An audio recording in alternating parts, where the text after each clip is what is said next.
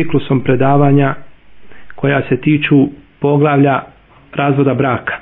Pa ćemo s odnom mogućnostima, ovako kada nam se ukažu znači, prilike, mimo subote i nedelje govoriti znači, o tim propisima i to će biti znači vid naučnih predavanja bez nekakvih posebnih znači širenja i uloženja u detalje, no međutim da se spomenu osnovne stvari koje su vezane za razvod braka. Možda će neko pitati, a zbog čega da se govori o toj temi? Zbog čega baš da se govori o razvodu braka? Kazat ćemo, sigurno to nije da bi se ljudi posticali na razvod braka. Bože, sačuvaj. Šarijet je došao da sklapa brakove i da očuva brakove, ne da se brakovi razvrgavaju i da ih uništava. No međutim, po prirodi dešava se da supružnici ne mogu skupa pa dođe do razvoda braka. Pa onda neminovno poznavati neke propise. Pa će biti čovjek i upitan o tome pa da zna nešto. A i kada ne bi niti bilo razvoda braka, niti da ga neko pita, lijepo je da poznaje čovjek propis. Mi danas govorimo i spomenemo propise robova i robkinja, a nema robkinja nigdje. Ali se zna propis. I tako po brojnim drugim pitanjima. Ne spominje se, znači, ali se zna propis. I čovjek je težak od Allaha Đelešanu koliko više zna i koliko više praktikuje.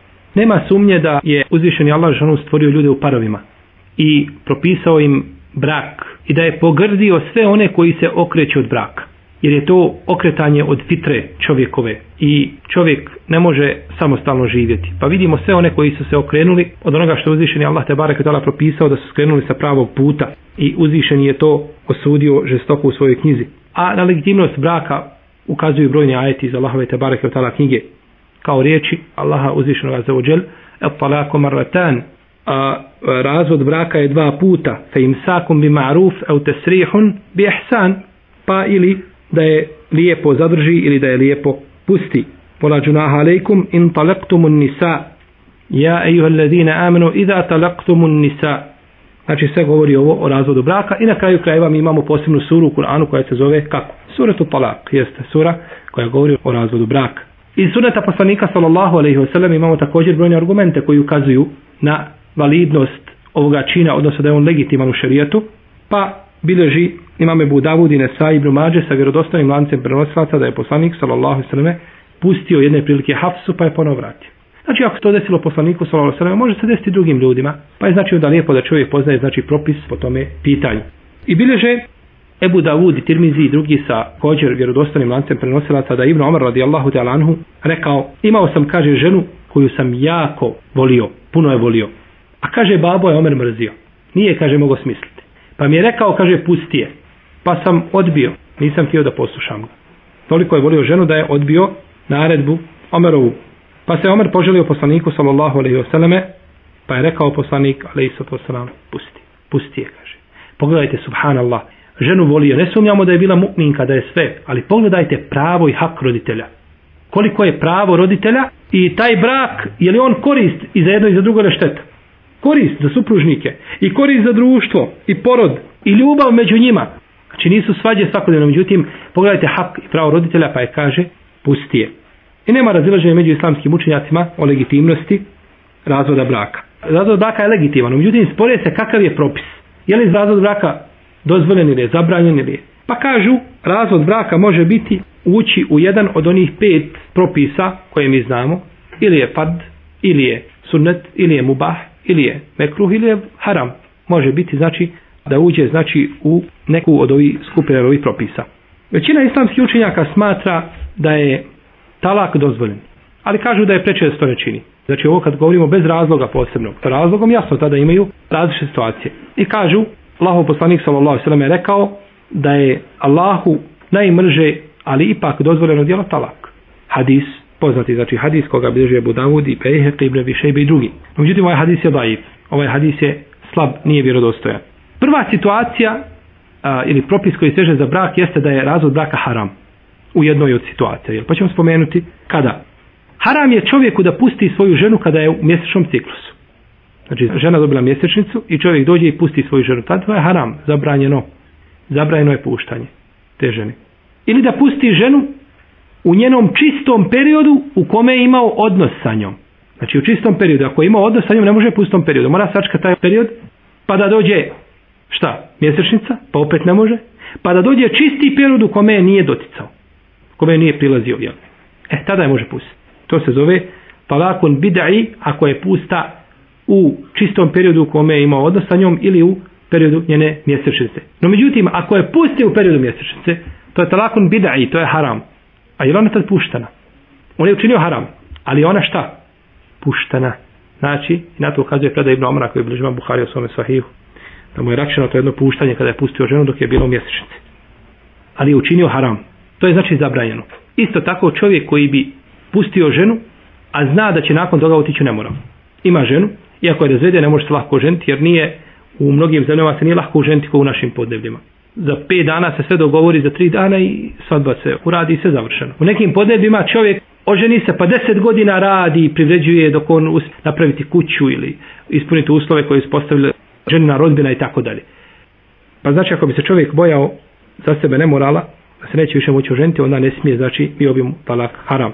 Može biti mekruh, mekruh će biti u slučaju kada nema nikakve potrebe žena mu'minka vjernica i on dobar čovjek, nema potrebe nikakve, nema razloga za razvodom, kažu tad je mekruh. No međutim nema sumnje da u tome stepenu može doći do harama. Može doći do harama jer je poslanik sallallahu alejhi ve sellem rekao za razvod braka o kesruha palakuha. Kaže, i lom za ženu, to je lom za ženu je razod braka. Pa znači, treba voditi računa da čovjek ne upade, znači u tome slučaju u haram. U hadisu, koga bližima muslim u svome sahihu, se navodi da iblis postavi svoj arš na vodu i pošalje svoju vojsku da čine nered po zemlji i onda koji najveći fitnu napravi, taj je najbliži njemu. Pa i pozove. Pa kaže šta ste uradili? Pa dođe jedan kaže ja sam uradio to i to i to. Kaže ništa nisu uradio. Pa dođe drugi kaže ja sam uradio to i to i to. Kaže ništa nisu uradio. Dođe treći i kaže nisam ga ostavio na miru dok nije pustio ženu. Pa kaže dođi vamo približ se kaže. Približ se kod mene kaže ti ti ti si pravi kaže. Znači dijelo koje zadovoljava šeitana sigurno ne može zadovoljiti Allaha Đelešanu. To je stvar jasna kod dan. Pa kaže ti, ti, pa ga je pohvalio, znači, bog njegovog a, nedjela koje je učinio. I bilo živu se Said ibn Mansur da Ibn Omar pustio ženu. Pa ga pitala, kaže, vidiš li ti u meni ništa loše? Jesi primijetio nešto loše? Kaže, nisam. Kaže, pa zbog čega si me onda pustio? Zbog čega, kaže, pusta ženu? A, jer, a nemaš nikakve primjede u vezi njeni pa je vratio tu ženu, pa je vratio tu ženu nazad. Biće puštanje braka mubah dozvoljeno ako žena iziđe iz okvira a, bilo da se radi o njenom ponašanju, huluku ili njenom dijanetu i tako dalje. Tad može, tada je mubah, tad može izabrati. Na primjer, žena ovaj viče puno pokući, voli svoj glas dizati ili čini neke stvari koje muže nešto naredi, ona se odmah ne odazove njegove naredbi i tako dalje. Tad je muba. Ako hoće trpiti to, imaće nagradu za svoj sabor. A ako je hoće pustiti, neće biti griješan. Neće biti griješan. Ali neće imati posebne nagrade. Jer to je stvar koju čovjek obično može trpiti. Pa je znači tu došao znači, u situaciju da može znači pustiti, pustiti ženu. Biće puštanje žene mustahab i pohvalo je lijepo ako žena pokvari svoj ahlak. Ahlak neumjesto se ponaša, a, ružna riječ priča, vređa čovjeka, vređa njegovu rodbinu, vređa djecu, a, e, daje loš primjer jednog bračnog života, tada je čovjeku mustahab lijepo da je pusti, a nije obavezan, nije obavezan.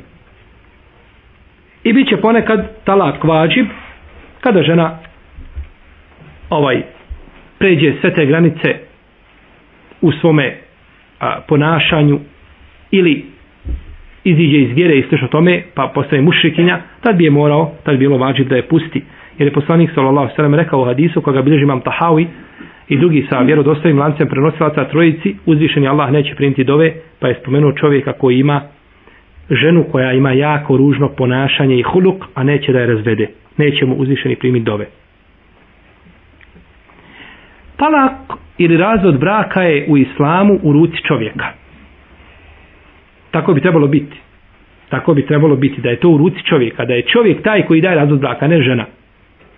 Kao što je danas u nevjerničkim društvima, kada žena ima potpuno pravo da da razvod braka kao, kao čovjek. Islam nije dozvolio ženi da daje ona razvod braka, iako je jedna od strana u ugovoru, u bračnom ugovoru, iz prostog razloga što čovjek nikada nije odan i ne posvećuje pažnju emocijama koliko žena žena je emotivna i to je poznato i žena bi svaki dan po dva puta čovjeku dala talak i vraćala da ona ima pravo.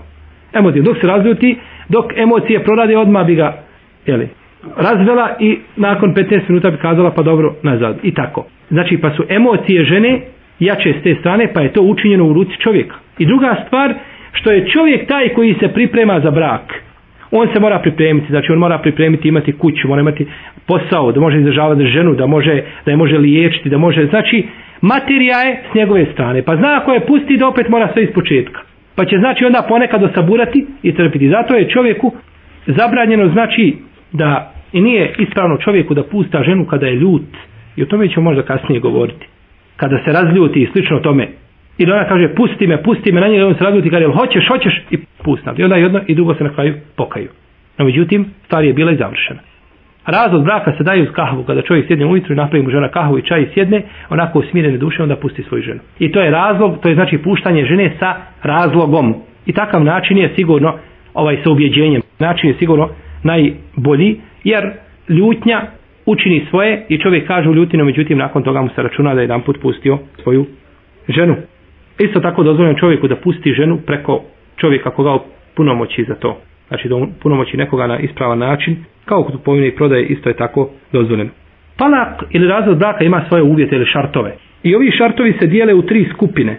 Šartovi koji su vezani za čovjeka, šartovi koji su vezani za ženu i šartovi koji su vezani za izraz ili frazu kojom čovjek pusta ženu. Mi ćemo danas kazati nešto, nećemo možda uspjeti završiti, nećemo duljiti puno, vezano za uvjete koji se tiču čovjeka. Znači čovjek koji da bi dao razvod braka ženi, on mora imati znači ispunjati određene uvjete.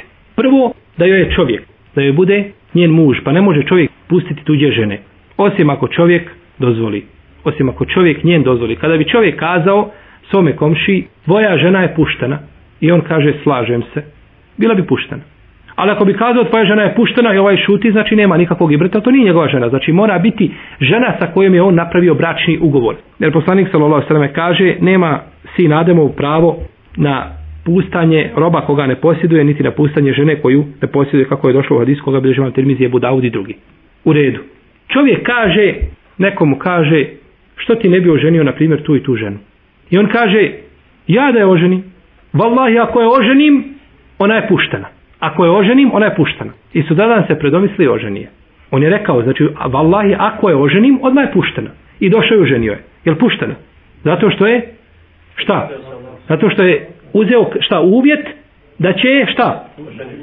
Da će pustiti ako je, i on je oženio, i ispunio se šta? Uvjet. I ona je šta? Puštena. E, nije puštena. Zato što je on nju pustio, kada?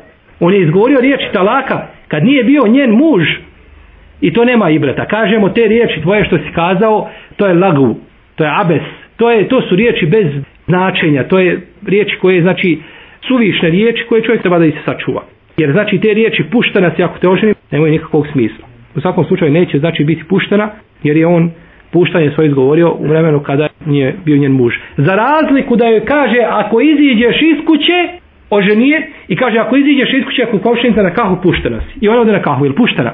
Jeste, zašto? Kad je izgovorio bio je šta njen? Njen muž. Pa je, znači to je ta situacija kada je bitno da je on muž njen. Da nije znači stranac.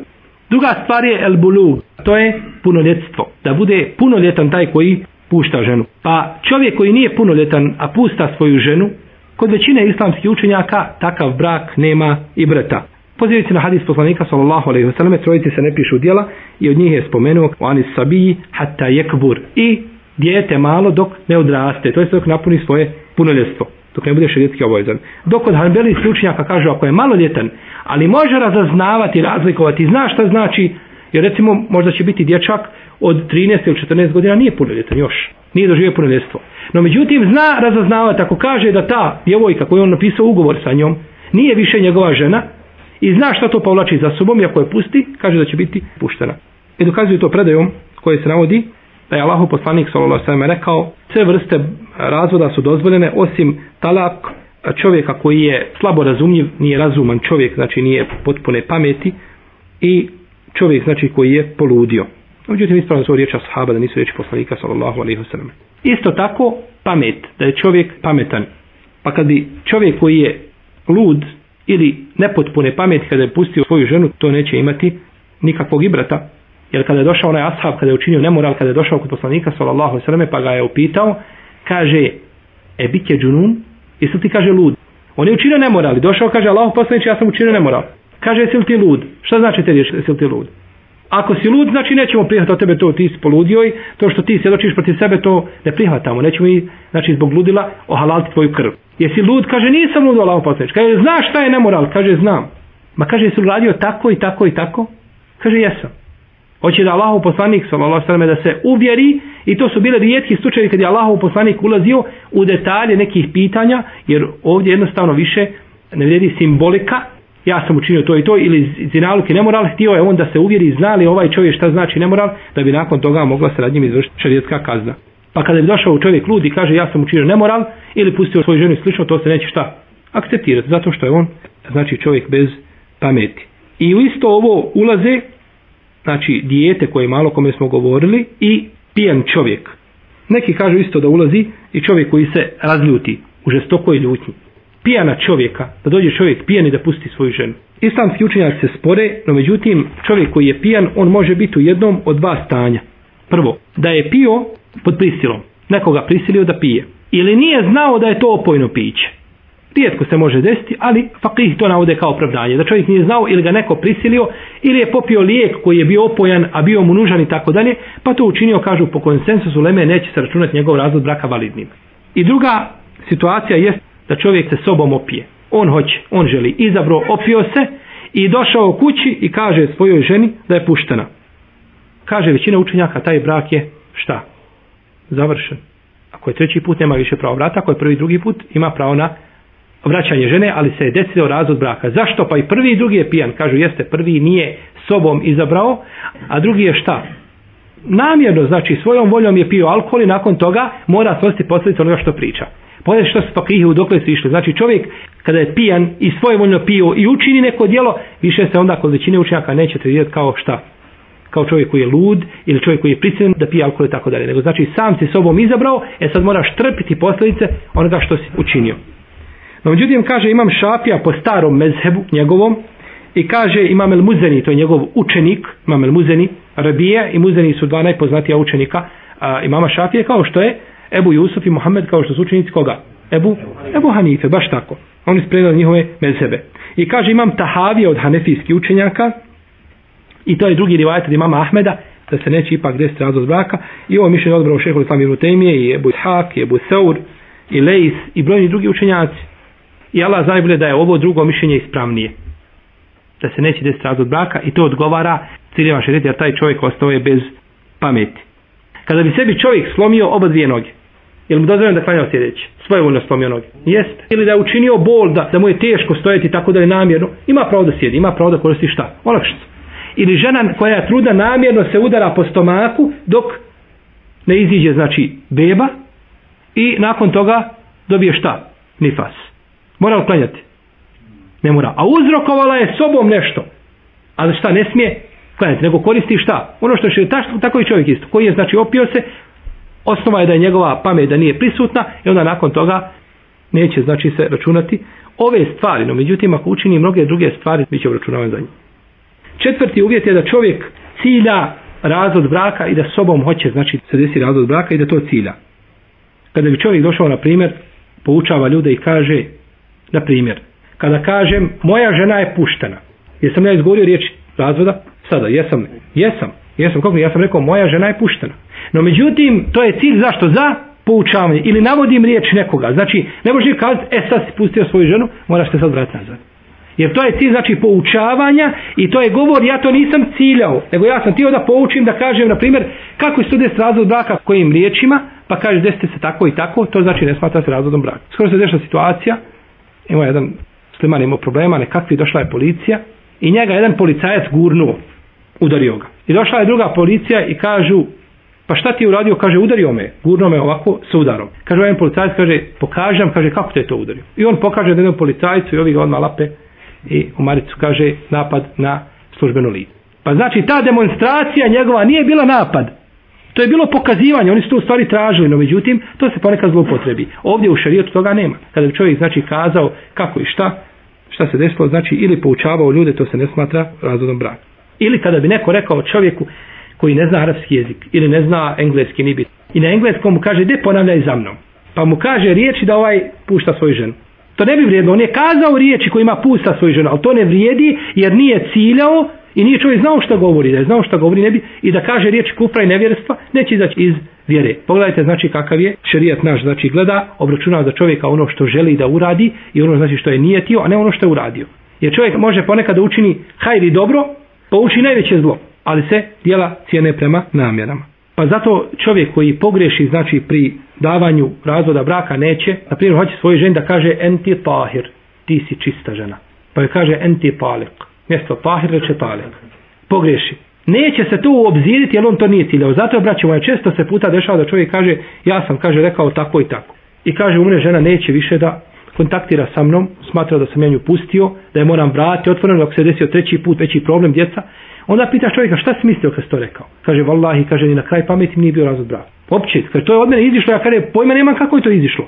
Ili sam pogrešio, ni na kraj pameti mi nije, pa kaže, ja volim ženu, žena mi posluša, kako kaže, zbog čega da je pustim? Zbog te sitnice koja se desila, kaže mu, ne, vrati svoju ženu, ona je tvoja žena dalje, znači to se smatra, znači, greška. Ali ovdje je bitno, kada se daje, znači, fetva čovjeku zanima nas šta, njegov, do kad je, kod kad je, te možeš doći kod kad je, kad moj nije kad ju ne zanima nije. Koji daje petva? Ako da, kad je argument, baš tako. Kod kad je, kaže, ti meni donesi dokaz. Mi smo spominjali a, prije, kad smo govorili o potvori Ajša radijallahu talana, kada je došao ko Zaid ibn Erkam, kada je kazao Allahu poslaniće, sallallahu alaihi wa rasulullah. Kaže, Abdullah ibn Ubej ibn Salul je kazao, kad se vratim u Medinu, jaki uglednik će istirati šta? Poniženi nejake. Pa je došao Abdullah, kaže, nisam to rekao. Allah nisam rekao to. Pa je rekao, Allahu poslanik kaže, istinu skazao, a ti kaže, ne istinu rekao. Zato što je Allahu poslanik ovdje bio šta? kadija. I Zaid ibn Arkam je trebao doći sa argumentom. A ovaj kada se Zaid ibn Arkam nema argumenta, ovaj se zakune da nije rekao, gubi. Znači mora kadiju zanima argumenta, ne zanima ga, nije. Isto tako, razlog braka kada je čovjek prisiljen, da ga neko prisili, da kaže moraš kazati da ti je žena puštena. Moraš. Džumhur Leme kažu, to ne vrijedi, si ga prisilio. Dok kaže imam Ebu Hanife, i Ebu Jus, i Muhammed, Seuri i drugi učenci Selefa kažu, gotovo, neka te prisiljen. Neka te je prisilio, kaže, brak se desio, ti si izgovorio riječ, ti znao što to znači, dok si izgovorio, desio se razvod brak. No, međutim, mišljenje većine učenjaka je preče, jer čovjek koji je prisilen, znači ako za riječi kufra neće odgovarati, onda sigurno neće odgovarati za riječ puštanja, puštanja ili žene. Ovdje se izuzima kada bi kadija prisilio čovjeka da pusti ženu. Kada kadija prisiljava, to je drugačije.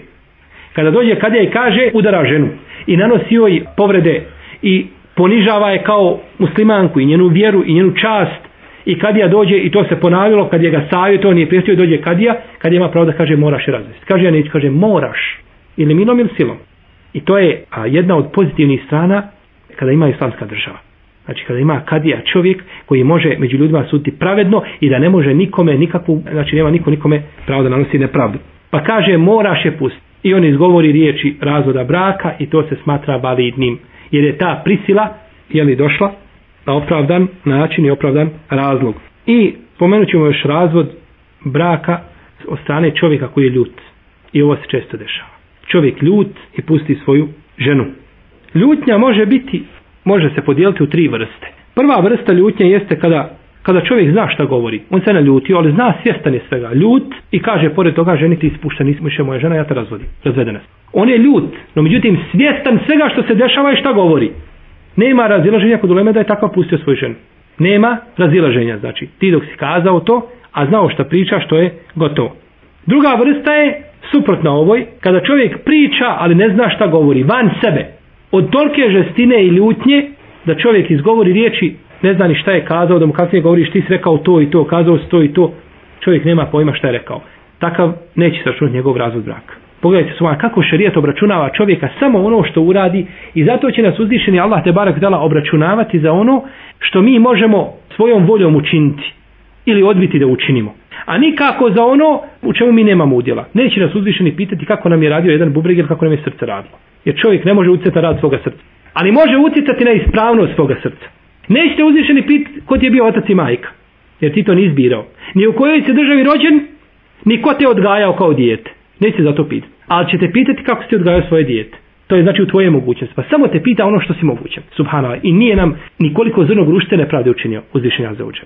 Znači dao nam je razum, dao nam je mogućnost, znači da radimo i pitaće nas za ono što smo bili u mogućnosti učiniti. I treća vrsta je, a ona je najpornija koji nje se najviše problematike vodi, kada je čovjek u nekakvoj, nekakvoj fazi, stadiju gdje je bio ljud, skoro da nije znao za sebe, ali imao je osjećaj šta govori šta se dešava tu. Pa je tu jako teško znači ocijeniti šta se desilo za čovjek. On kaže, ja znam šta sam izgovorio, ali sam u bio nekoj psihičkoj depresiji, ni njemu samom nije jasno šta se desilo. Tu islamski učenjaci kaže, onda se važe i gleda se, on sam čovjek nosao svoje takve i muftija koji ga sluša, ali kad je Wagner, je li on bio bliže ome da da nije znao za sebe ili je bio dalje od toga, pa da se desi razvod braka u svakom slučaju preče ako postoji mogućnost znači da se spasi brak i ako nema jasnih znači argumenata što vuče ka razvodu da je preče čovjeku da kaže znači da se to desilo znači pod znači u fazi kada čovjek ili u situaciji kada čovjek nije bio prisutan a, ili znači nije bio svjestan onoga što govori ili je bio znači van sebe zbog žestoke zbog žestoke ljutnje Ima još propisa, znači vezanih poput talak čovjeka koji razvede ženu na smrtnoj posteli. Čovjek razvodi ženu na smrtnoj posteli da bi šta uradio time? Da nema nasljedstva, da je zabrani nasljedstvo. Tu se islamska ulema spori, većina uleme kaže brak ne vrijedi. Čovjek na smrtnoj posteli vidi sve i sada hoće ženi da se osveti za dug život i onda je kaže, e sad si kaže puštena. Jedan put ili je pusti tri put i tako dalje. Da nema ili se pripremi prije toga dva puta, ostaviš jedan put i onda na kraju na oproštajno je li kaže pušta nas tako da nema više šta pravo na nasljedstvo to je šteta za ženu a šteta se u šerijetu ne trpi pa je većina uleme kazala da takav brak ne vrijedi no međutim kaže druga ulema da to vrijedi on je nju pustio svjesno riječima jasnim i tako dalje u svakom slučaju prvo je mišljenje prioritetnije to je više većine pravnika da se zaštiti znači pravo te žene znači on nije imao nikakav razlog zbog čega si čekao smrtnu postelju Čega to nisi uradio prije toga? Znači imao si razlog, čega nisi pustio? Nego sada kada je došao na smrtu u postavljenju, sad joj hoćeš ovaj zabraniti miras, pa tako da je ispravno išao htjela da, da je ona njegova žena. Mi ćemo išao htjela dalje nastaviti govoriti o uvjetima koji se kasnije, kada nam Allah šanu ukaže priliku, ovaj, ako nas poživi o uvjetima koji se tiču žene same, ona mora imati znači nekoliko uvjeta da bi taj brak, znači, ili taj razlog braka bio validan, pa ćemo da govoriti nešto o samoj sigi ili znači način ili frazi kojem se daje razvod braka. Molim će Allah te barek da nas pouči našoj vjeri, da popravi naše stanje i stanje naših porodica. Allahu te alalem, sallallahu ala nebina Muhammedu, ala alihi wa sahabi ajma'in. Može tako, mullahu khairu.